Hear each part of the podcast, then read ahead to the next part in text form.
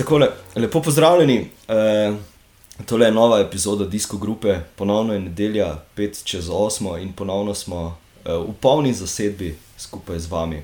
Uh, Martin, Matej, Blaž in jaz, Uroš. Pozdrav sem. Živijo. Um, ja, uh, teden državnih prvenstev uh, smo na, naslovili epizodo in uh, kar takoj predajam besedo nekomu, da nam bo malenkost povedal, kaj nas v tej epizodi čaka. Zdaj, uh, da, se, da se ne javi nekdo prehitro ali pa prepozno, ali kakorkoli. Uh, bom dal, tako kot jaz vidim, na moji desni, Martin, izvoli.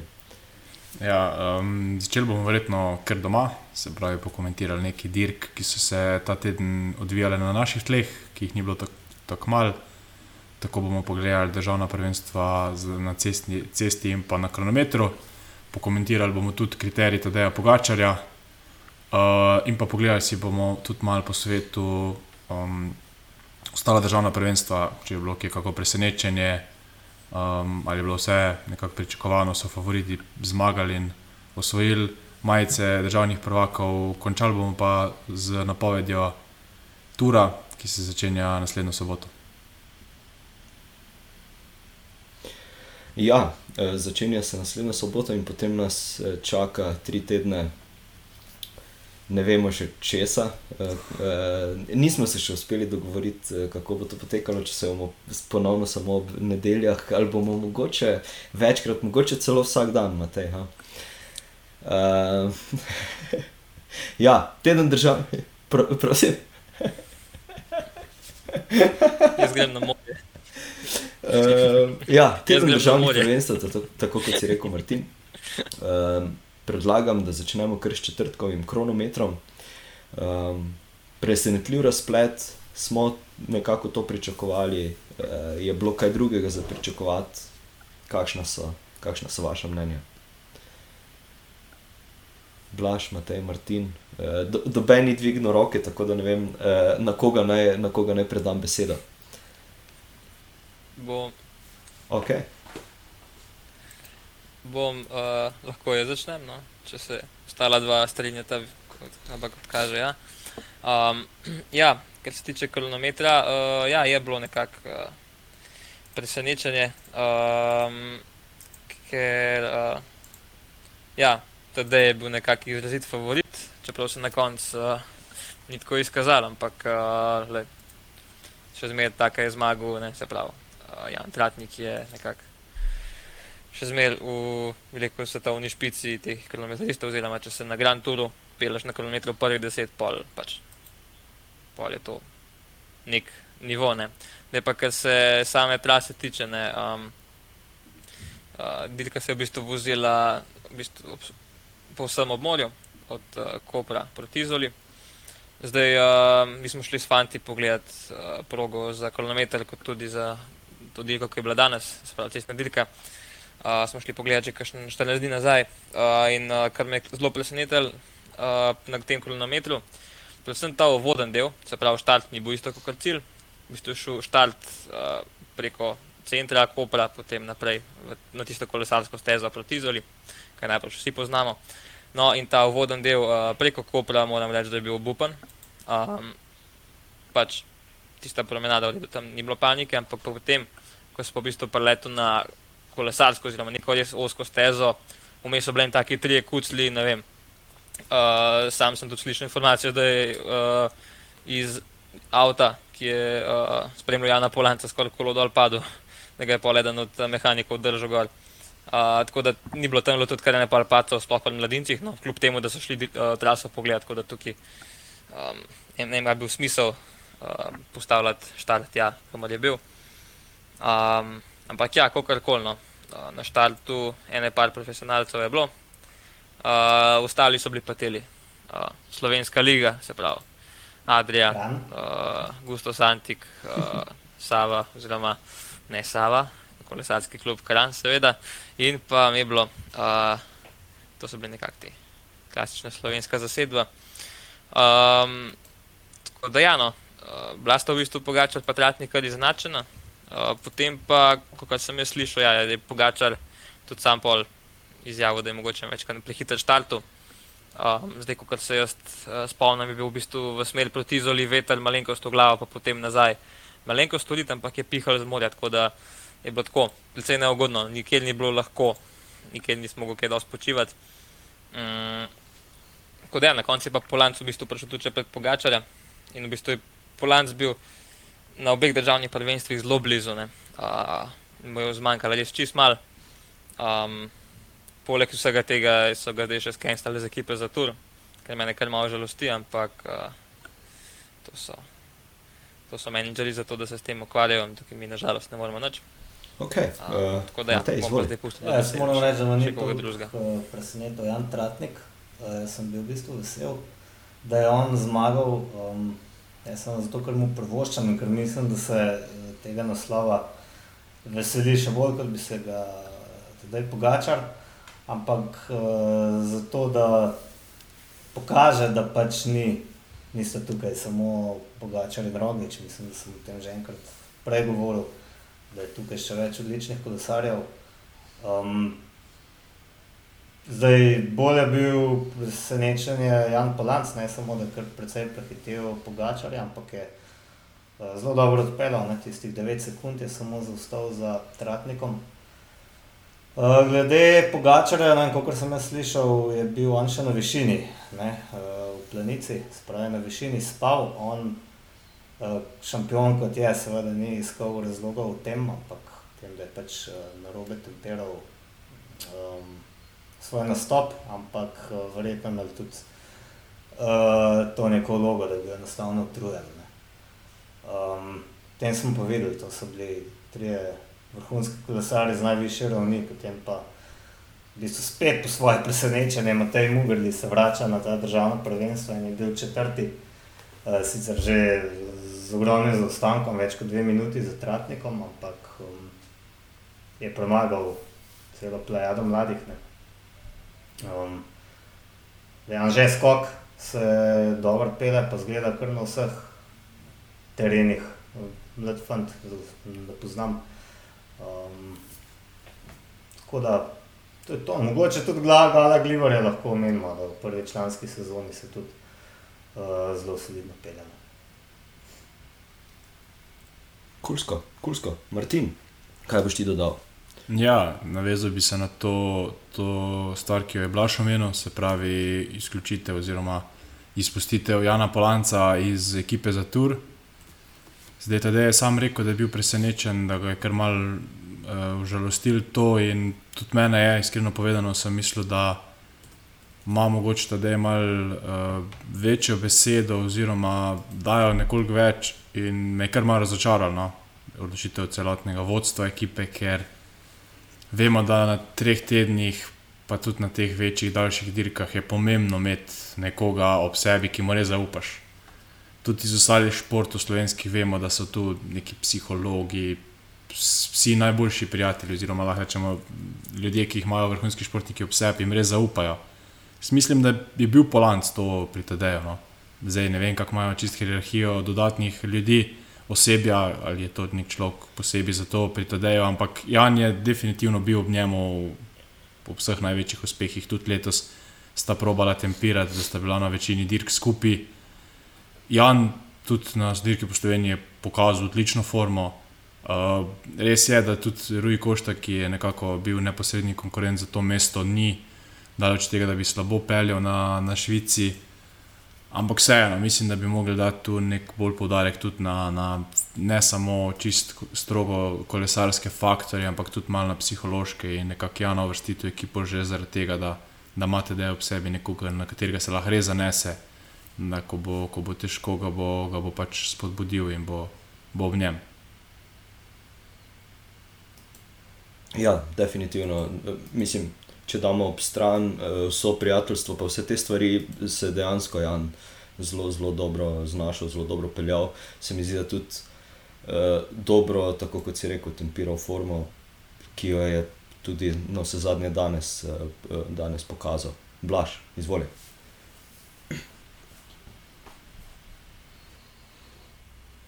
Um, sem v bistvu, ja, po enem strani tudi malo žalosten, ker me zanima, kaj bi se zgodilo, če bi recimo Polan zmagal um, kilometer ali pa bi zmagal danes, ali pa mogoče oboje.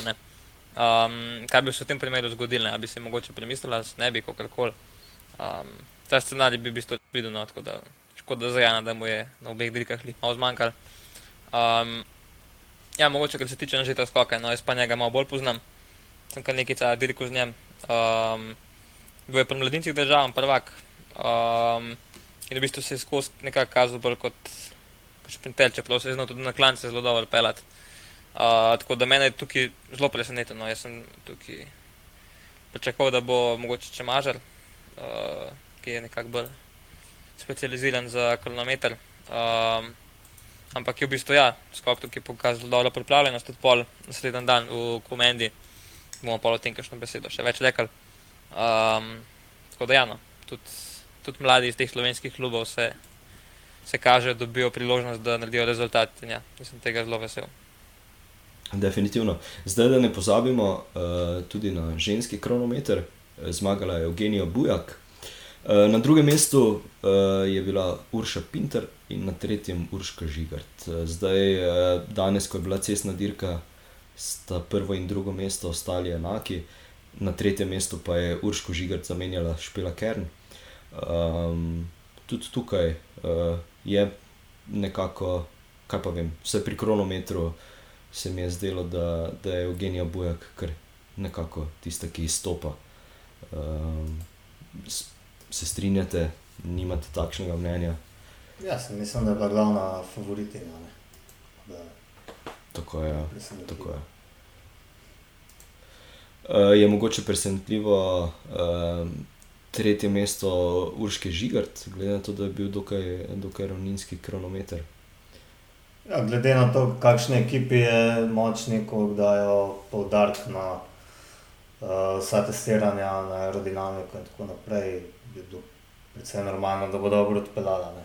Mislim, da se je želela uh, še več zadržati tisto majico, ampak um, mislim, da mi je tudi sama priznala, da um, pač enostavno ni bila dovolj dobra in da je bila dejansko Evgenija Bujak favorizirana vseeno vložila eno minuto. Ne. Potem so bile, bile že precej manjše razlike med uh, drugo in četrto, Učko Bravec.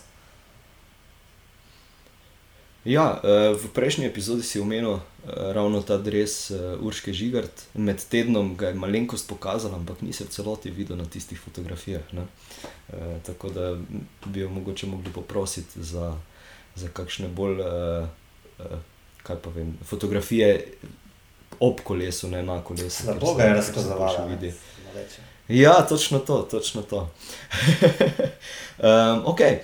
Še velja kaj izpostaviti pri tem kronometru, mogoče tisti, tisti padec Jana Tratnika v cilju, ko je malenkost preveč eh, stisnil na zavore, pa je, pa je letel po tleh. Eh, videlo se je, da je, da je zelo izmučen, tudi v, v normalnem prometu se je odpeljal, ker je zgrešil tisti uh, odsek za, za tekmovalce. Ja. Kaj na srečo ni prišlo do nekih škod, hujših. Ja. Boljš po cilju kot pa prej. To pa je, ja, to pa definitivno. To pa definitivno. Ok, torej, eh, še velja kaj uh, izpostaviti, ali gremo na današnjo cestno dirko. Bi še kdo kaj dodal? Gremo raje na kriterij, še vmes, da gremo lahko po vrsti. Aha, da gremo po, po datumu, velja, velja, potem pa, na, potem pa gremo na, na kriterij. Kriterij v, v uh, ja, uh, kateri je že bil to? Tretji za povrstjo. Uh, kriterij, uh, tudi je pogačer. In pa predvsem tukaj, kar je, je ta, ta glaven pomen, da Aha, uh, v bistvu tedej kot okay. promotor tega športa. Uh, torej ja, kriterij za mlade v, bistvu. v, v komendi. Organiziral svojo dirko. Med moškimi, in, uh, ja. Luka Mezgec na prvem mestu, tega pogleda tudi na drugem. In uh, medijsko bolj, uh, bolj privlačno. Tukaj, Tukaj sta na štartni listi bila kriteriji v zadnjih nekaj letih, da smo lahko gledali živo prenos po televiziji. Uh, to je bilo res lepo videti.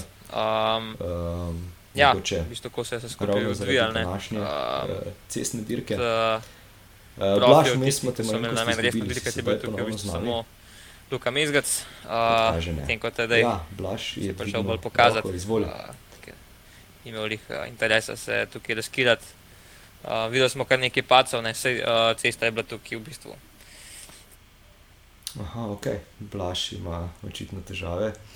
Uh, Matej, si tudi, ti, ti, tudi ti si bil na kriteriju uh, v komendi. Kako si ti videl? Ja, predvsem je bila zelo očitna premoč um, Luka Mezgeca, ki je um, sredini med profesionalci, ga res, resno lotil. Uh, to je razumljivo, prišel je s pripravo, dirkal že zelo dolg, uh, kot dva meseca se mi zdi. In hotel enostavno preizkusiti formo.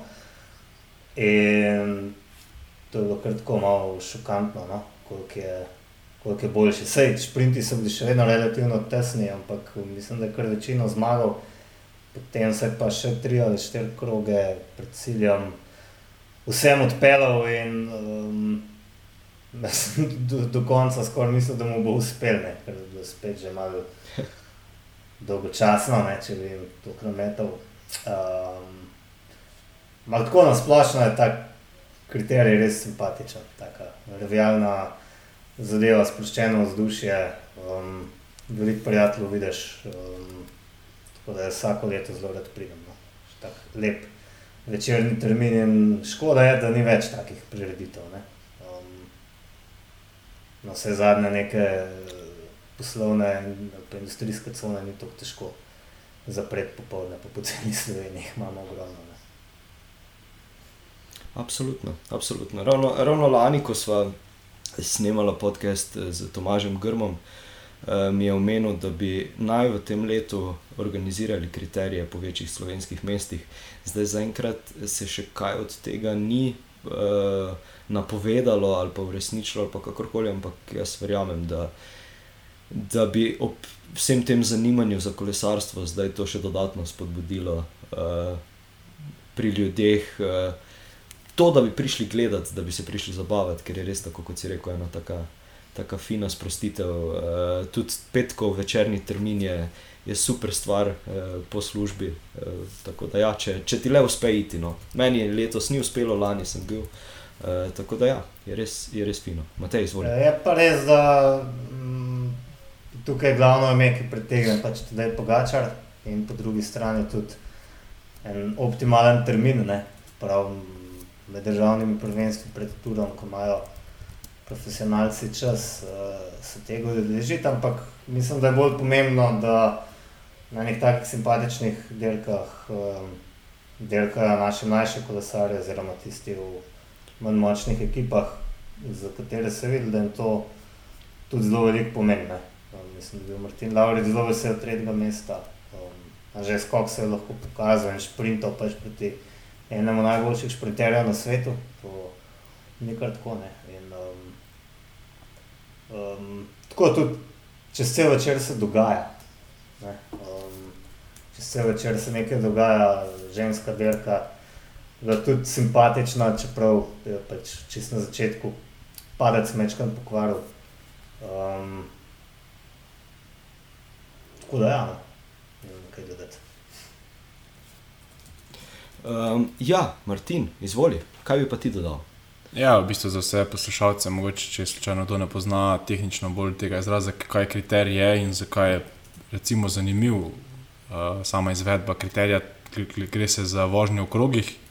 Mm, Popravite me, če se zmotim, ampak mislim, da vsak tretji krog šteje potem za sprint in na koncu nekako skupne točke dajo uh, zmagovalca in po, po mestnih središčih oziroma v tem primeru nekih industrijskih conah je ta krok relativno kratek in se vse dogaja na zelo kratkem odseku, in gledalci večkrat vidijo kolesarje, kot pa recimo na neki dirki, ki se, ki se odvija od točke A do točke B. Tako da tudi za organizacijo v večjih mestih mislim, da je to definitivno plus, ker mm, gledalci večkrat vidijo kolesarje, ki pridejo mimo. Uh, tudi več sprintov mestnih je, ki nekako popestrijo to zadevo. In res je to ena taka revijalna, lahko rečemo bolj neka PR zadeva kolesarstva, ni toliko tekmovalnega narave, čeprav ti umestni sprinti, verjamem, da za kolesarje niso nič kaj manj stresni, oziroma eh, nič kaj manj eh, energije ne potrošijo kot pa recimo na kakšnih umestnih sprintih eh, etapnih dirk. Mm, kar se tiče pa letošnje izvedbe, pa ja, eh, Luka je imel ogromno smole še z korono. Um, in se kako dolgo ni dirkal, in je ta kriterij tudi samo omenil, da mu je res bil všeč, ker spet zaradi njegove specifike, zaradi umestnih sprintov je velikrat prišel v ta stresni del, se pravi, mogel se pripraviti na sprint, potem odsprintati in to je definitivno za sprinterja dober trening. Um, zdaj nisem še pogledal, je potrjeno ali ne, ampak Luka naj bi šel na tur, tako da zagotovo je potreboval te, te, te zadeve, da nekako pride nazaj v tekmovalno formo. Um, ja, uh, zdaj sem vmes, ko ko si govoril, pogledal uh, štartno listo in potem uh, rezultate, ki tako imamo napisane. Matej, torej pri, pri članicah je v bistvu tisti začetni padec uh, krojil tudi generalno razvrstitev. Vidim, da sta štartali tudi uh, Urška Bravec, uh, Pošpela Kern, uh, vsaj Urška Bravec je na papirju uh, mogoče uh, bolj. Uh, bolj šprinterka. Recimo. Uh, na koncu pa je na prvem mestu bila Ana Ahečič, na drugem Nika Bobnar in pa na tretjem Pija Galov. Uh. Ja, one tri so se odpeljale in uh, sodelovale med seboj. Aha, okay. um, Medtem ko zadnji pa ni bilo neke sloge, med tistimi, ki so ostale se pobrale in to je bilo v bistvu odločilno. No. Ah, ok, ok, tako se je torej razpletlo. Razumem. Zdaj, eh, kot ste lahko ugotovili, tisti, ki nas gledate v živo, eh, je Blaž eh, odšel, oziroma so ga odnesli bogovi interneta, ker ga več kot očitno ne more biti z nami. V Gameljnah očitno nekaj ne deluje tako, kot bi moglo, ampak nič ne de. Nadaljujemo zdaj s cestno dirko, kaj ne imate. Ja, ne. Pa dajmo.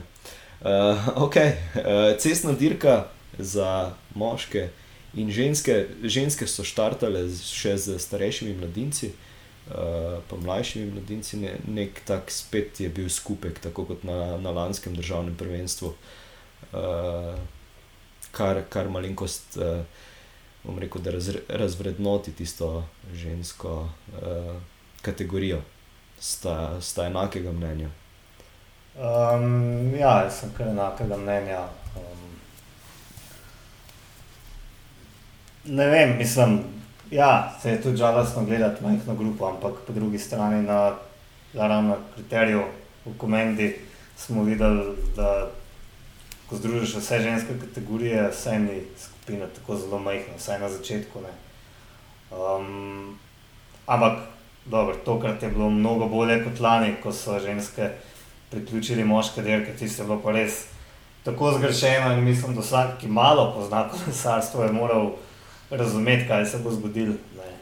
Um, točno tako je bilo in je bilo lani res mučno gledati kolesarke, ki so na koncu velik del svoje dirke vozile nek kronometer nasrečen, um, zabavne od vseh tam nekje med tam okrog crkva na Gorenskem. Um, Z mladinskimi kategorijami so se dosti bolj enakovredne in mislim, da je Martin Hvastja omenil v prenosu, da ženske še nikoli niso tako dolgo uh, držale najboljših mladincev, kar nekako govori o tem, da je um, ta vrh oziroma to žensko, slovensko žensko kolesarstvo dejansko um, še dalje močnejše, kar v bistvu na vse zadnje vidno tudi na cesti, na njihovih dirkah, če dalje večkrat so tudi v spredju, krojijo na, na katerih derkah že potek. Um, je pa tako, no, ja, da potem večkrat vse skupaj razvodenimo, žal. Tudi ne vem, ali je sploh bil prenos žensk, uh, mislim na RTV Slovenija zagotovo ne, ampak na Facebooku se je prenašal zadevo, uh, na Facebooku Kolesarska zveza. Pa ne vem, če se je tudi ženske, ker sem takrat še neke druge opravke, žal. Uh, ja, tudi, tudi jaz ne bom dal roke v ogen, da se je žensko prenašalo, ker sem v bistvu uh, kot en uh, tumpek čakal uh, na prenos uh, po MMC-u in nisem sploh vedel, da bo kolesarska zveza preko Facebooka. No, ja, nisi bil prej. edini, ne, ja. tukaj ja. bi mogoče lahko malo eno kritiko izrazil, da uh, mislim, da mnogi tega nismo vedeli. Jaz sem se s Facebooka kakšen let nazaj mečko namaknil in ga uporabljam samo še občasno. In, um, tudi nisem tega vedel. No. Pravici povedano, um, tudi mogoče bi se lahko mečkan več povedal o tem, kako si delko ogledati na cesti.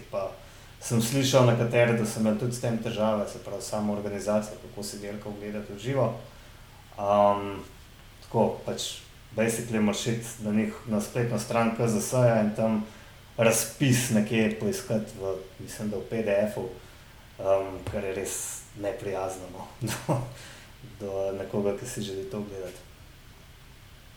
Ja, jaz moram tukaj samo še dodati eh, zgolj iz, eh, iz enega drugega vidika, da me vsakič, ko se je zavrtel tist, tista špica ali 3D ali kakorkoli, pač tista animacija je pisala da, da, je, da gre za državno prvenstvo v vožnji na čas danes.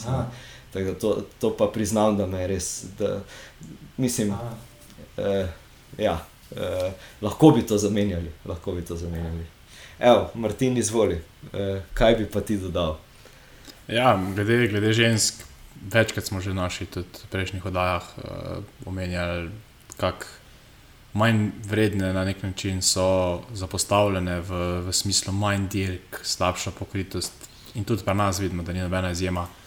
Um, zdaj je smiselnost ali ne, da bi bili malce cinični in dejstvo, da ženski držijo um, mladince bolje kot kadarkoli prej, ni nujno samo, da so one dobre, lahko so tudi naši mladinci mogoče slabši kot par let nazaj, ampak glede na rezultate, no. uh, tudi mladincev, ne, ne, bi, ne, bi, ne bi o tem govorili. Ne, se pravi, to je, to je zgolj cinizem, uh, ki stoji. Martin, da ne boš naslednje leto šel v komendo.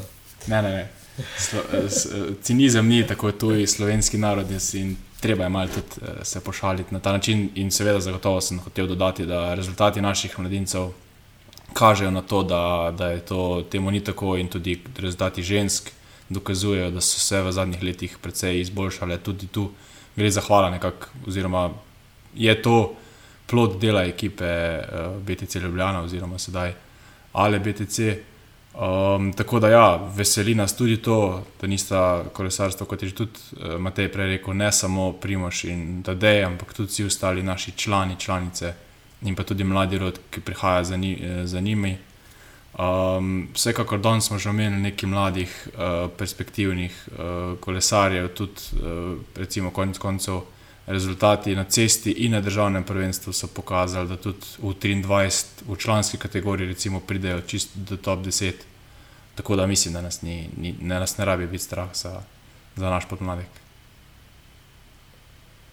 Definitivno ne. Definitivno ne. Uh, kot sem že prej povedal, torej na cestni dirki uh, razplet ponovno na prvem mestu Evgenija Bujak, na drugem Urša Pinter in na tretjem Špila Kern. Zdaj na cestni dirki pa smo videli zmago Mateja Mohoriča, na drugem uh, mestu Jan Polanc, enako kot na kronometru. Na tretjem mestu Luka Mezgec, kjer sta se z Janom Tratnikom uh, udarila v sprintu, na petem mestu Tadej Pogačar, na šestem Matic Govikar in pa na sedmem Kristjan Hočevar, um, ki sta se super odrezali, v bistvu, poleg seveda vseh ostalih, ki so zadebli. Se mi zdi, da najbolj aktiven, tudi izpostavljeno je bilo to v prenosu Kristjan uh, Koren, ki je, ki je bil cel čas v begu, uh, pa seveda, uh, odkar Matej govori o tem, ti Matej Zalar. Uh, še dodatno spremljam uh, Mateja Mohoriča in res želi vsako, vsako dirko narediti še posebej zanimivo. Uh, nekaj napadov, ki jih je sprožil danes, uh, so bili mogoče, mislim, dejstvo, da so bili zato, da bi, da bi stresel po lancu, ampak uh, vseeno so bili na takih mestih, da je, da je malenkost bolj. Uh, Tistih zaspanih deset minut povišalo srčni utrip, pa potem spet, spet dalje. Uh, Martin, izvoli, predajam ti besedo. Ja, ta dirka je šla full gas od samega starta. Vsi tisti kolesari, ki so v slogu Petra Sagana, kot je bilo tudi v prenosu omenjen, prišli na to državno prvenstvo z miselnostjo, da si bodo v prvih parih krogih traso ogledali in potem v zadnjih krogih to znanje izkoristili. Ni to prišlo do izraza, ker je pravzaprav od prvega starta naprej, oziroma prvega kroga naprej šlo na, na polno res vsi naši kolesari, ki so v Vulturu, so dokazali, da so tam z razlogom, ker hitro se je ta skupina prva skupina in potem kasneje tudi druga izoblikovala. Omenil si Korena, res uh, vsa čast, zelo mi je bilo tudi uh, prijetno poslušati potem njegov, njegov um, komentar po, po dirki za RTV, ko je z nasmehom dejal, da, da so pač noge bile dobre, da je, da je probo dirkati, da je po, te, vse, po tem suspenzu oziroma po odsotnosti dirkanja nekako uh, pogrešal to in nekako ob koncu seveda ni, ni imel moči, to je sam priznal. Ampak uh, res je poskrbel tudi, da je bila dirka mogoče še malo bolj uh, zanimiva.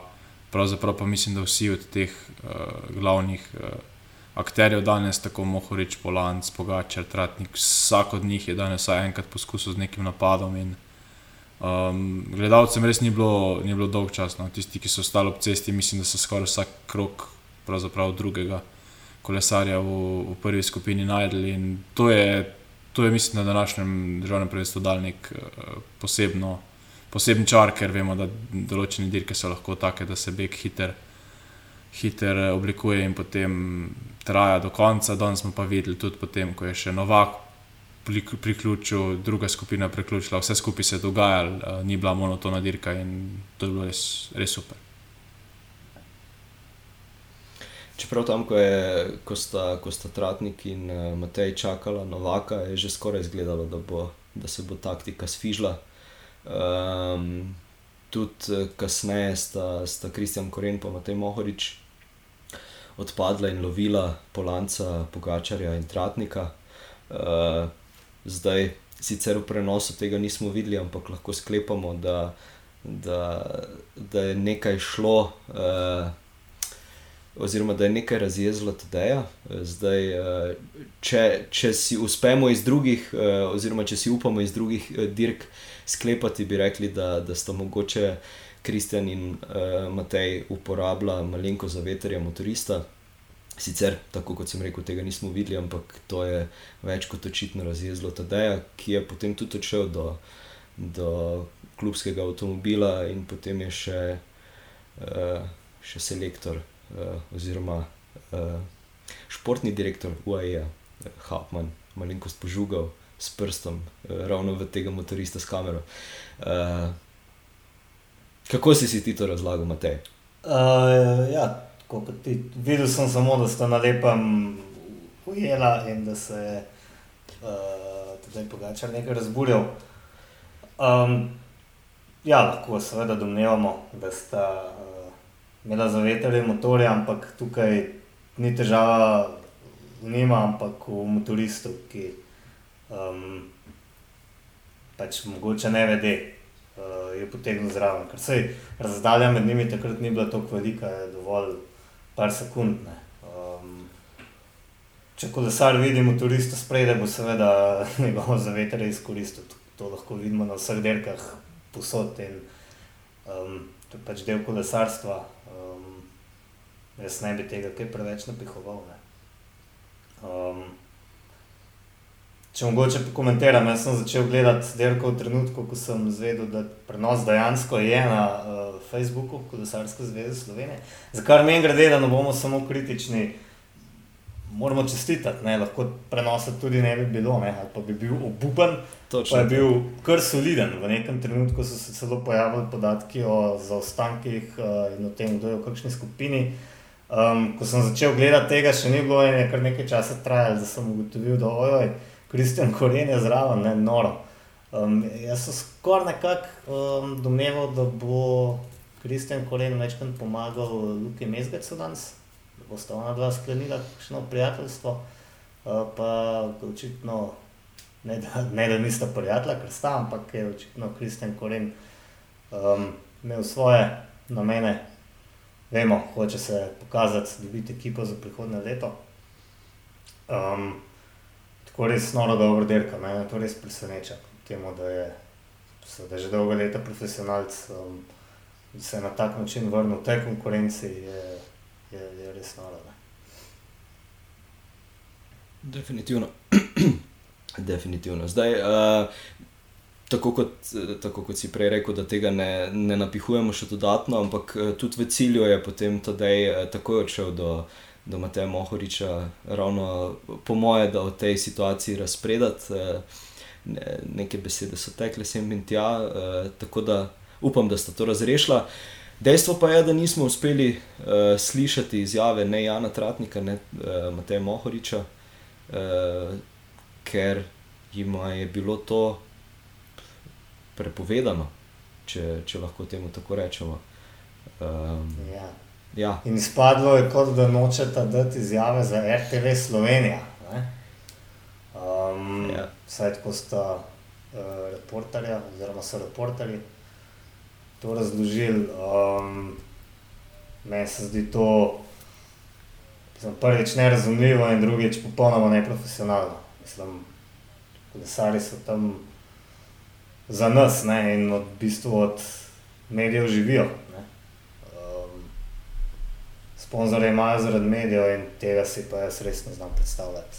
Večkrat sem pobrskal, ali bi se lahko RTV Slovenija s čimerkoli zamerila Milanu Erženu, ki ne bi to uh, javno ne prepovedal, nisem prav hude analize delal, ampak nek zadnji članek, ki ga najdem je 7. junija letos, um, naslovljenje Karavana se čudi uspehom Bahrajna, počutimo se kot idioti, navezuje se na izjave nekaterih športnih direktorjev, ki so jih uh, dajali uh, za različne medije ob zadnjih uspehih Bahrajna. Vemo, da Jano Karuso je bil odličen na Džiru, Mark Padunje na pa to je dirka po Defineji, uh, dvakrat Tako je. zmagal v dveh zaporednih etapah. Ne?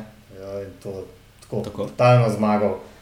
Uh, celo nekaj se je Jana Tratnika omenjal, češ kako lahko on se tako dobro pele na klanec, kot je Monte Zonkolan.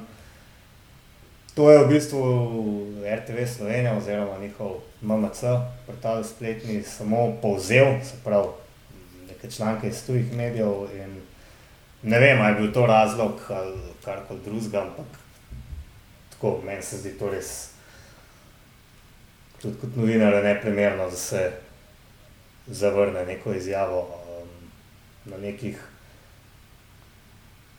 bom kar tako rekel, resnih dirkah. Ne? Uh, pač izjavo zmagovalec mora dati pika, če ne je celo kaznovan. Um, v Sloveniji pač očitno to ni nujno. Predvsem je škoda, ker bi Mohorič znal marsikaj uh, povedati, ker vemo, kako inteligenten dečko, vemo, da zna vedno dati izjave, z katerih marsikaj izvemo. Um, s tem bi dal mogoče tudi priložnost, da on pove, kaj se je dogajalo v, s tistim motoristom in kaj ne, če bi ga to uspel vprašati tam. Um, tako sem pa ostal za to prikrajšan. Ja, ško, škoda, da se je to zgodilo ravno na, na državnem prvenstvu. E, tak, ja, e, zdaj, če, če bi se na kateri, bom tako rekel, na kateri drugi dirki e, izven Slovenije, e, bi, bi mogoče temu namenjali manj pozornosti, tako pa pač vseeno gre za državno prvenstvo, ki se zgolj enkrat na leto zgodi Veš pri nas. Prosti, če bi se to zgodilo, da ne bi dal izjave za Eurosport ali pa za Cycling News, da bi bilo to prepovedano, bi po mojem nastal kar teater. No? Češ kaj se pa greste. Ne? To nikoli se ni dobro kregati z novinarji ali pa jim odrekati nekih izjav. Se še nikoli ni dobro končalo. Recimo en primer je. Lance Armstrong, ne? se je začel ribati z mediji, je do konca. Tako je. Uh, ja, zdaj, uh, v bistvu, če, če, če se vrnem nazaj, pa da vse to, uh, da naredimo en novinek tukaj v stran, uh, se ravno nad tistim razburjenjem uh, Matej ni kaj preveč. Uh, Oziral nazaj in je kar v tistem trenutku dalje napadal, oziroma v svojem ritmu nadaljeval, uh, in tam sta se potem dejansko z, z Polancem odpeljala in uh, si nabrala Uh, v, mislim, da največ minuto 45 prednosti, nekaj takšnega je bilo. Uh, Martin, izvoli besedo. Ja, to je Mateo Stil, um, danes je vem, vseh napadov, njegovih sploh ne moremo prešteti. Um, ta je bil na koncu zelo odločilen, tudi v zadnjem krogu je potem še dvakrat poskusil, potem v tretjem je v resnici tudi to uspel. Uh, kar se tiče teh izjav, uh, iz prenosa je bilo razvidno, da je v bistvu Matej dal izjavo celo za Val 202 oziroma za, za radio. Uh, delno smo jo lahko poslušali tudi v prenosu, ampak z, z direktno iz zvoka iz kamere, ne iz mikrofona. Tako da ne vem, kaj je ta drama, vse skupaj. Definitivno ni to dobra reklama za, za slovenski šport, oziroma tudi za konec koncev za Bahrajn. Um, ker tako je Matej rekel, zmagovalec nekako mora dati izjavo, da je to njegova dožnost, se, se mogoče kdo sliši, ampak ja, um, mediji, mediji naredijo reklamo ekipam, ekipe od tega živijo, sponzorji to plačujejo in strinjam se, no, da, da to ni bilo nekako uh, profesionalno in da se tega ne dela. Kar se tiče pa potem samega razpleta, če se še nekoliko uh, dotaknemo teh zadnjih par krogov oziroma zadnjega kroga v spredju dokaj složna, tam do zadnjega kroga Jan Polanci in Matej Mohorič, uh, nekako Matej sicer deval daljše smene, um, potem v zadnjem krogu celo dvakrat napadel, takrat je Jan v bistvu še nekoliko manj. Um, Začel pomagati, verjetno tudi takrat ni izgledal že več najbolje, potem na zadnji klanec, na Markovec, še poskus napada Jana, Tratni, Jana Polanca, tu je Matej na začetku nekako ni uspel takoj priključiti in je potem s svojim tempom lepo uh, nekako ujel priključek do vrha in potem takoj po, po, po vrhu enostavno z pospeševanjem uh, uspel streti, takrat se ni več oziral nazaj, v svojem slogu je odpeljal še spust in to je bilo dovolj, da si je privozil neke te uh, par sto metrov prednosti in ta prednost je bila dovolj, da je v ta zadnjo ciljno termino, na no, zadnjih 150 metrov po Vinku, prišel sam in imel čas tudi za veselje. Zadaj pa skupina ne tako zelo mogoče složna, um, nekaj je bilo poskusov, skokov uh, in tako, tako naprej. Nekako potem v zadnjem krogu se je formirala še ta druga trojka in sicer Jan Tratnik, uh, Luka Mezgec in pa tudi Pogačar. V, v, 500 metrov do cilja je poskušal Jan Tratnik z napadom oddaleč, tedaj se tu ni več uh, vključeval v sprint, Luka Mezgec pa najprej pokril napad Jana Tratnika in na koncu v sprintu ga, ga tudi presprintal, čeprav je bil Jan kar blizu, no, me je nekako presenetil v, v tem sprintu, tako da na koncu smo že omenili vrstni red, uh, zmagovalec Matej Mohorič, na drugem mestu Jan Polanc, tretji pa Luka Mezgec. Ja, dejstvo je, da je da je Jan Tratnik uh, v super formi. Uh, sicer zdaj vsi vemo, da če bi, če bi v soboto štartal na turu, da se to ne bi dobro končalo, ampak nekako, uh, ok, sicer je še prehitro za, za takšne napovedi, ampak mogoče v primeru, da bi, da bi Tadeja in Primoža tur toliko izčrpal, uh, lahko po moje, zelo dobro ciljamo tudi z, tudi z Janom Tratnikom na olimpijskih igrah v kronometru, ne to, da je tam na voljo zgolj eno mesto. Um, bi, bi mogoče Matej še ti kaj dodal uh, k tej današnji cestni dirki? Uh, ja, mogoče to, da je bil Luka Mezgec res v neprijetnem položaju, ker ni imel uh, nobene pomoči. Ne.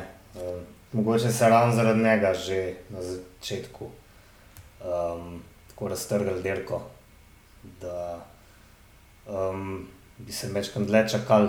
Oziroma, če ne bi bilo luke mezgaca, bi se mogoče celo večkrat drugače dirkali. No, tako bom rekel. Um, drugač pa ja. To, kar sem zadev, ko sem napovedal, da bo uh, Matej Mohorič to zmagal. Čeprav sem se mislil, da bo prišla v cilj, ena med manjša skupina, petih, šestih, najmočnejših, ampak um, je zaradi tega res um, že skoraj hektičnega dogajanja. Pač, um, vse upravil Mohorič že večkrat prej. Bi pa mogoče komentiral traso uh, Delke, ne vem sicer točno kako je na cesti izgledal, ampak se mi zdi, da je to dosti bolj simpatičen format, kot smo ga gledali lani, ko smo vsi vedeli, da se bosta za zmago spopadla Pogačar in Roglič.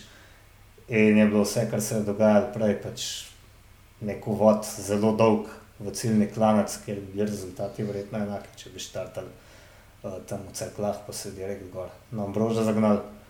Um, take dirke, kot je bila danes, so bistveno bolj simpatične. No. In do konca smo lahko, do konca nismo vedeli, da bo zmagal nekdo, ki je specialist za, um, za klanec ali nekdo, ki je specialist skoraj za klasike, bomo rekli, kot je recimo Mohorič. Um, ali bi pa lahko bil celo šprintne. Čist, um, šprint manjše skupine, mislim, da večja skupina v nobenem primeru ne bi mogla priti v cilj. Skratka, zelo posrečena trasa, zelo posrečena, to mi je zelo všeč. Ja, definitivno. Um, ja. To, ko si omenil Luko Mezgica, je tudi sam v izjavi povedal, da je mogoče malenkost več pričakoval od uh, kontinentalnih to ekip. Je, to je rekel, uh, da, da bi... uh, ne taktno, ne, mogoče, ampak. uh, ampak ja, mi, mislim, da je tudi uh, danes ogromno, uh, ogromno selekcijo naredila vročina. Uh, vsi vemo, tudi mi, ki nismo profesionalni kolesarji, uh, kako se peleš v klanec, kot ti v glavo nažiga 35 plus stopinj, da, da zgledaš pač. No, vsaj za sebe bom govoril, da izgledam tako kot. Um, kako bi rekel, kot Ace Ventura, ko, se, ko je ostal ujet v tistem, v tistem dnu sorogu. uh, tako da, ja, mislim, vsa čast uh, fantom. Uh, ja, dajmo, dajmo zaključiti uh, s to super mojo mislijo, uh, tole, cest, uh, tole cestno dirko današnjo, pa, pa, se, pa se mogoče usmerimo še na, na, ostale, na vsa ostala državna prvenstva, ki so potekala. Uh, zdaj tu imamo cel spisek, kar se mi zdi, uh, da da zna biti kar tečno, če ga bo kdo šel pos, posebej od nas brati enega za drugim. Uh, kateri, recimo, vama uh, izstopa uh, kot državni prvak, uh, v kateri državi? Martin, ti vem, da si to pripravljen, zato bom tebi predal besedo, da, si, uh, da poveš. Ja, je, pri francozih je zagotovo remikovanja v Begu uspel uh, zmagati uh, recimo v Belgiji, Vaud van Ert in pa ne vem, v Nemčiji, uh, Šahman. To so nekako tri, ne bom rekel, glih presenečenja, ampak kolesari, za katere sem vesel, da so tam, uh, kjer so in niso z izjemo van Erta, glih klasični prvaki bili do sedaj. Okay, okay. Zdaj, uh, na Norveškem je Tobias Foss zmagal v kronometru in na cestni dirki. Tako da zdaj za kronometer ni bilo presenečenja, ampak eh, cestna dirka, sicer profila nisem pogledal, ampak eh, zanimivo, da je tudi tam zmagal. Um, pa Tom Dumoulin je, je zmagal uh, po vrnitvi. Uh, sicer, uh, ja, Ken Bowman je bil na tretjem mestu. Um, Matej, zdaj, ko si, ko si nekaj minut uh, imel časa, oziroma minuto, dve, si si malo pogledal, kdo pa tebe preseneča na tem spisku. A si se že pardon, ne, prosti, ne, ne, prosti. um, so neko breli za Italijo. Um, on je zanimiv zato, ker uh, je napovedoval, uh, on je napovedal, no, da zna to zmagati. In kar se mi zdi še bolj simpatično, nekje sem ujel, da celo napoveduje, da ima možnost obleči rumeno majico uh, na Turu v tisti prvi etapi, za kar se meni zdi, glede na to, da se zaključi na kar precej težkem klancu, um, kar pogumno za enega tazga šprinterja. Če ima zraven Žuljana ali Filipa, Mateja Vanderpula, uh, Valta Vanerta in Primožer Ogliča, tudi je pogača in vse ostale. Um, ja, očitno mu res. Uh, Valverde. Valverde, ja, e, še to. Ja. Očitno mu res leti. Fruma. Um, ja, to fruma je. Nekaj smo se pogovarjali o Petru Saganu, ki je spet državni prvak. Um, imenitno. In še eden je, ki je um, zmagal na uh, kronometru in na cestni dirki, to je pa Tom Squinch, uh, latvijski uh, državni prvak, torej v dveh disciplinah. Zanimivo. Zanimivo. Ja, zdaj, ko gledam rezultate v določenih nacijah, so kar, eh, so kar kako bi temu rekel, nepresenetljivi. Tako da, tako da ja, povej, Martin, izvoli. Ja, v bistvu eno od presenečenj, da rečemo zmage, ampak ki ni zmagal, pa je za me vsaj Remko, uh, Evene Poel, ki je bil drugi, prehitev ga je pa Yves Lamper. Vemo, da Lamper ni slab kronometrist, ampak vseeno. Ah. Uh, Nisem narobe gledal. A ni bil Remko tretji, pardon. Tretji je bil na vsaj po teh mojih. Uh, Martin Aha, Da, danes, okej, ja, ja, danes, ja. Pr, Okay, okay, okay. danes je bil tretji, Ja, ja, ja, okay. uh, za, na kronometru pa drugi, no. vsaj po mojih zapiskih, po moji uri. Um, Mhm. Res tako je, da, res je. da, ja. To je mene nekoliko presenetilo. Ok, kul, cool, zmenjeno. Uh, re, res se dejansko dobro pelje. No. Um, s- smo še kaj? Uh, Sorry. Pavla, kaj pa je tole bilo? Uh, oprosti, jaz sem zdaj samo psa na gnov, ponovadi se zaklenam v sobo, tokrat se pa nisem.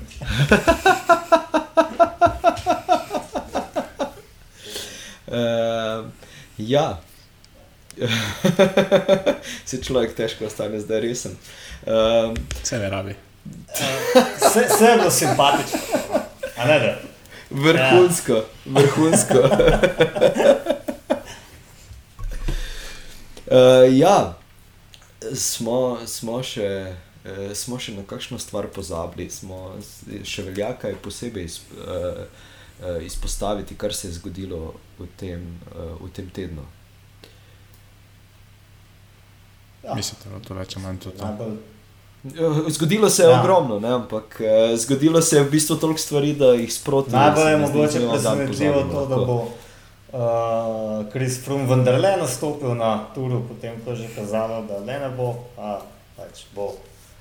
In bo imel Michael Woods um, njegovo podporo uh, v lovu na dobro vrstitev, skupne razvrstitvi. A Ne vem, kako ga bo sicer uh, podpiral. Mislim, da je o tem pisala tudi Filipa York, da bo mečkam težko um, road captain, torej kapetan na cesti. Uh, če pa takrat, ko se bo vse že začelo dogajati, ne bo več tam, kjer bi moral biti. In Filipa uh, se je tudi sprašvala uh, o tem, ali je sploh on tip kolesarja, ki bo šel po bidone v avto, um, ki se bo recimo pregriznil na pol v prvih 60 ali pa 100 km in potem umiral naslednjih 100 km do cilja, tam nekje v, ja, tako rekoč, disko grupi, pozabljam skoraj do vseh. In običajno tisti, ki so odlični za skupne seštevke za zmage, niso uh, taki tipi kolesarjev, ki bi to nalogo upravljali korektno. Um, ja, ne smemo pozabiti tudi, da je Mark Cavendish uh, zdaj dokončno tisti, ki ne bo nastopil na turu. Uh, Sam Bennett je odlično, oziroma bojda dovolj dobro saniral svojo poškodbo kolena, kakršna koli je že bila. Zdaj, um, mogoče sicer je Sam Bennett to sam tudi izpostavil, ampak uh, ne pripomore izp izjava Patrika Lefevra da če bi pripeljal tudi Marka Cavendisha, da bi uh, da tega Sam Bennett psihično ne bi uh, dobro prenašal. Uh, Matej, izvoli. Ja. Oziroma Martin, se upravičujem. Ja, Martin, Matej, izmenita se, kdo bo. Le, bom jaz, če smo že pri Cavendishu, ker imam okay. dober point. Mislim, da so vsi veseli, da ga ne bo. ne, pa je na primer, ker bo nič zelo zaupal, Sam Bennett eh, se je tako želi derkati. Cavendish sem pa tudi dobil občutek, da se bodo kak niti ne ljubi. Ne, da, ne. da na koncu bojo vsi veseli, Cavendish gre na dopust, Lefebvre štarta na nekoga, ki je zihar, ne, um, Bennett bo pa pač derkal. Um, je so pa res zanimive te Lefevrove izjave, kako zelo direktno on vse pove. Um, ampak mogoče je ravno to dobro, vsi ga poznajo, da tak pač je. Um, in ne vem, vse mu ne moreš zameriti, te robatosti, saj stvari pove naravnost. Tell it like ja. it is. Uh, Martin, izvoli zdaj. Ja, Kevin Diš je bil tu neka plan B v klicu sili. Če bi le Bennett se dovolj hitro pozdravil, kar je sedaj situacija, mislim, da ni bilo sploh dileme, koga bo izbral.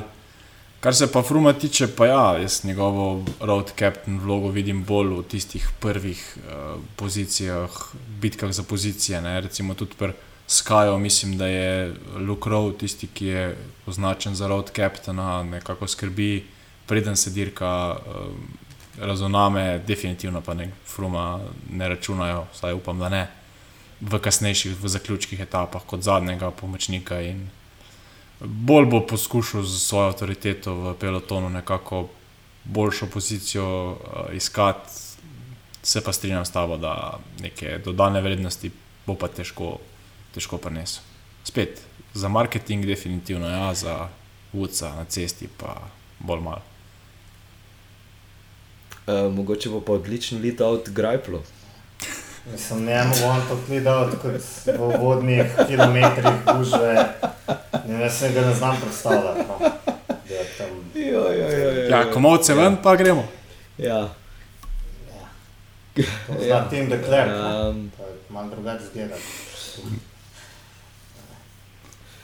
Um, ja, sej. Um, nekaj se tudi šušlja, da bi naj Rowan Denis šel k Jumbo Vismi. Eh, to, to še bomo tudi počakali, kaj se bo iz tega scimlo. Uh, pa Fabio Jakobsen nam je pokazal vsem svoje, uh, svoje nove zobe, uh, kar je lepo videti, da, da v bistvu super ukreva. Uh, tudi sam se mi zdi, da je navdušen nad tem. Uh, mislim, najbrž je navdušen nad tem, kar, kar so uspeli narediti, glede na to, da je po mojem po, po tistem pacu, ko se je pogledal v gledalo, videl nekoga, ki ga ne pozna. Uh, tako da sta, sta morda videla to, tole fotografijo. Ja, ja se, jaz sem bil bolj šokiran, ko sem ga prvič videl. Ko je bil en tak čeden, čeden fant, ne, z nizozemske. Um, zdaj pa, potem pa tako, ful starejši zgledal, ko res sem bil kar žalosten, ne, ko se to spremeniš. Um, tako da ja. Zobari pa čudeže. Ja, malenko se še tudi. Ja, malenko se je še tudi sami sebe pošalil, da, da je dal tisto fotografijo prej brez zob in potem z zobmi, pa je napisal, kdo najde deset razlik na fotografiji. Mar, Martin, izvoli. Ja, jaz sem spremljal takrat že njegovo zgodbo, takoj po pacu, uh, drugače kot iz socialnih omrežij. Sploh nismo zvedeli, kaj je veliko, uh, tudi na začetku sam ni veliko objavljal, pa je pa kar kmalo začel uh, operacije. Eh, poslikati rezultate prej, potem in tudi prve kolesarske dni. Tako da vesel sem za njega. No. Um, posledično tudi za Grne Vegna, ker bo nekoliko lažje vse skupaj za njega, če bo vedel, da tudi Jakobsen se nekako vrača. Um, vprašanje je, koliko dolgo časa bo, da bo prišel top formo, ampak vsekakor je, je dobro videti, da je spet, uh, spet zraven. Absolutno. Uh, zdaj, preden nadaljujemo, Blaž mi je napisal, oziroma sporočil, da se, da se vsem upravičuje, da se mu je totalno sesul računalnik. Uh, tako da zdaj pride tisti plak uh, zraven, kjer uh, ponujamo uh, svoj merchandise in mogoče obljubimo Blažu nov računalnik. Definitivno ne, ker si najbrž bo izbral kakega takega, da, da si ga ne moremo privoščiti. Ja, pa bi bilo tudi jasno. Ja, tukaj... ja, ne. Uh, lahko pa dobiš novo, novo majico. E, torej, ja, od danes naprej. E, Tale velikosti smo, tako da nisem uspel nategniti na sebe, ta bo za Mateja. Um, tako da, ja, od danes naprej so majice uh, z motivi dirke po Franciji na voljo v, v spletni trgovini. Uh, za vso podporo smo več kot hvaležni. Um, Ja, eh, bi še videla, kaj dodala, preden gremo na, na trivijo vprašanje. K majicam. Um. Ja, ne vem, lahko tudi k majcem, sam ne rečem, da bi ti tudi imel noč. Ne, jaz bi imel samo malo velja, velja, to dobiš. To dobiš. E ne, tu bomo um, pogledali, okay, kaj je za to pravo vprašanje. Ja, tur bomo pogledali, ja. v, soboto ga začnemo gledati, pa v nedeljo že komentiramo. Uh, ja, sej, kaj? Uh, lahko, lahko rečemo, kdo bo zmagovalec prve etape. Čeprav je Matej že prej uh, omenil, da si, da si kolbreli uh, želi tiste zmage, ga mogoče napoveduješ tudi kot zmagovalca. Ne, seveda ne, jaz mislim, da bo. Ne vem, lej, še spet to. Um, jaz bi rekel, da bo da bo življen ali Filip, ne, čeprav ne vem, zakaj ne bi bil potem tudi Primoš Roglič, pa že začel nabirati bonifikacijske sekunde, ali pa tudi Pogačar, seveda, eno od njih. Mislim, da kar en tak, um, ena od bolj zanimivih etap sploh, ne, že zato, ker nekdo prvič obleče rumeno majico in je v igri ogromno, vsi so mečko nervozni. Um, zanimivo je tudi, da je naslednji dan še ena podobna etapa, zaključkom na Eh, britanskem zidu, Murde Britanije, in tam se lahko spet rumena majica zamenja. Um, tako da bo to zelo zanimivo. Se mi zdi veliko bolj zanimivo, kot če bi, bila, kot če bi bil Grand Depart v, uh, na Danskem, kot je bilo sprva predvideno, pa je to odnesla pandemija. Ne? Ja, dejstvo je, da tudi, tudi jaz uh, na tej prvi etapi dajem uh, največjo možnost Žuljanu ali Filipu. Uh, mogoče ravno zaradi tega, ker je francos, pa ker, bo, ker si bo tako, kaj pa vem. Uh, vemo, da nekaj si želi zmago, nekaj pa potem to dejansko uresničiti, ampak mogoče, uh, mogoče, da mu bo ravno zaradi tega uh, uspelo na tej prvi etapi. Kaj pa ti, Martin, praviš? Ja, jaz ne bi rad uničeval možnosti našim kolesarjem, zato bo, pa ne bi rad se ponavljal. Uh, je, ali Filip, tudi gotovo ena favoritov, ampak rečemo, da bo pač Antonijo, uh, Alejandro Valverde, spet Antonijo, ne morem kot Antonijo. Uh, nekako Valverde, tisti, Antonijo Banderas. Ja, mogoče. Uh, tisti, ki bo, ki bo osvojil prvo rumeno majico. Ok, good, good. Uh, je nič, uh, ja, uh, tur se torej začne v soboto, v nedeljo uh, snemamo podcast. Bomo takrat kaj več, uh, kaj več povedali o prihodnih etapah, in pa se mogoče do takrat dogovorili, da posnamemo še kakšno epizodo vmes, na kakšnih tistih, od, uh, vsaj na papirju, ključnih etap. Um, sedaj pa mogoče se komu zdi, da hitim k njim, ampak vseeno me zanimajo vajna trivija vprašanja kdo bo začel? Moja je en tak, um, se čez brezvezen, skoraj zikr ne bo sta vedla uh, odgovora. Ampak tako navizuje se ob enem na ta teden državnih prvenstev in uh, na turne in sicer koliko državnih prvakov bo štartalo na letošnjem turu. To je bila cesta in kilometer. Dobro vprašanje. V oba, ja. Tako. Kaj mislite? No? Karkoli bom rekel, bom nekaj na pamet, jaz bom rekel uh, 12. Ja? Jaz pa 15. Um, Zadev si uraš, točno ducat jih bo. ja, ma, če če okay. po tej listi, ki je zdaj objavljena na, na ProSiking Stats, marsikaj se lahko še spremeni, ampak med temi, ki sem jih jaz našel se verjetno ne bo. Ne. Um, lahko še povem, da je zanimivo, da imajo po dva državna prvaka ekipe Bora Hansgrohe, to sta Patrik Konrad uh, in Petr Sagan, Konrad uh, v Avstriji. Um, Astana, kjer pa sta oba španca, Omar Frajle uh, na cestni dirki in Joni Zagire na kronometru, pa seveda Bahrajn Viktorijus uh, s Kolbreljem in Mohoričem, uh, dirka pa tudi za Treksega Fredo, uh, Tom Squinch, sprav, smo že prej rekli, latvijski prvak v obeh kategorijah. In komaj čakamo v bistvu na, da vidimo drese, ki jih bodo, upam, da uspeli v tem uh, tednu, pa recimo tednu in pol do, do kronome, za kronometriste uh, pripraviti. uh, me res zanima, če, če se jim bo časovno išlo, kaj bo nastalo. Vod van Erd ga skoraj že ima, ne? Doma, Ja, če ga res. je recikloprosil, tudi državni prvak. Um, edin potem bo pač to ta enodelni dres brez žepov. Ne vem, kam bo dal gela. ja. Ok, uh, Martin, izvoli. Ja, moje vprašanje se navezuje na tur uh, in sicer razlika med eh, zmagovalcem, med, najniž, najmanjša razlika med zmagovalcema. Uh, kdaj, uh, pa kdo sta bila prvi in drugi? Aha, uh, 8 ali 9 sekund, uh, Fignon in uh, Merks. Uh, ne, in um, Greg Lamont. Kaj, ne? Oh, leta shit, ja. 89. To sem zdaj zdaj. Ja, ja, ja. Ja, ta odgovor je pravilen. Uh, še ena zanimivost, pa v bistvu, če bi vedela, kje na tej lestvici, oziroma koliko je bila zadnja razlika, se pravi razlika med Tadejem Pogačarjem in Primožem Rogličem, in kje na tej lestvici bi se ta razlika znašla. Aha, teh 59 sekund. Drži? Ali 57. 59, ja. 59. 59. To so bo kar ena od manjših razlik. No. To, Ja, mislim, da kar pri vrhu. mislim, tam, Ja, tam, v deseterici, recimo.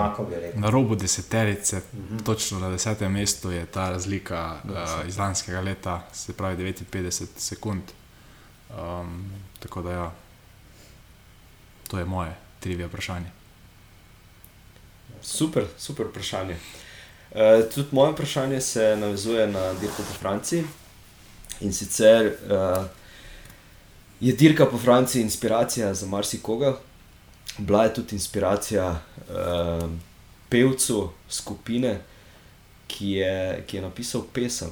Uh, ja, zdaj pa pesem z naslovom Kako in pevec katere skupine je bil to. Veste, mogoče. To je še svojih DJ-ovskih časov, zaznavanje te A to? Ja, super to- si zdaj to ven potegnil.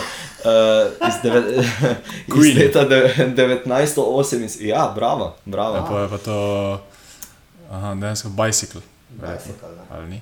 Bicycle race, yes. Ja. Tako, tako. Freddie Eh, Mercury. Tako da ja. Freddie Mercury je napisal To je bila eh, dejansko prva pesem asociacija. Bicycle ne. race. Ja, leta 1978 uh, ga je tako uh, očitno inspirirala uh, dirka po Franciji, da si je rekel, da mora, da mora napisati pesem o tem, kako, si želo, kako zelo si želi voziti bicikl. Um, tako da ja, super. Um, še karkoli izvajanje strani, jaz uh, moram priznati, da, da sem kar vse povedal, kar sem mislil. Enako. Ja, ne. Saj je to to. Točno. Blaž pa je ziger še mislil, Blaž pa si še je ziger mislil, ful stvari povedati, ampak žal, Blaž, žal. Uh, nov računalnik si kupi, ne se ne. Um, ok, um, lepo se imejte, vidimo se prihodno nedeljo uh, in to je to. Čau, adijo. Srečno živete. Hvala.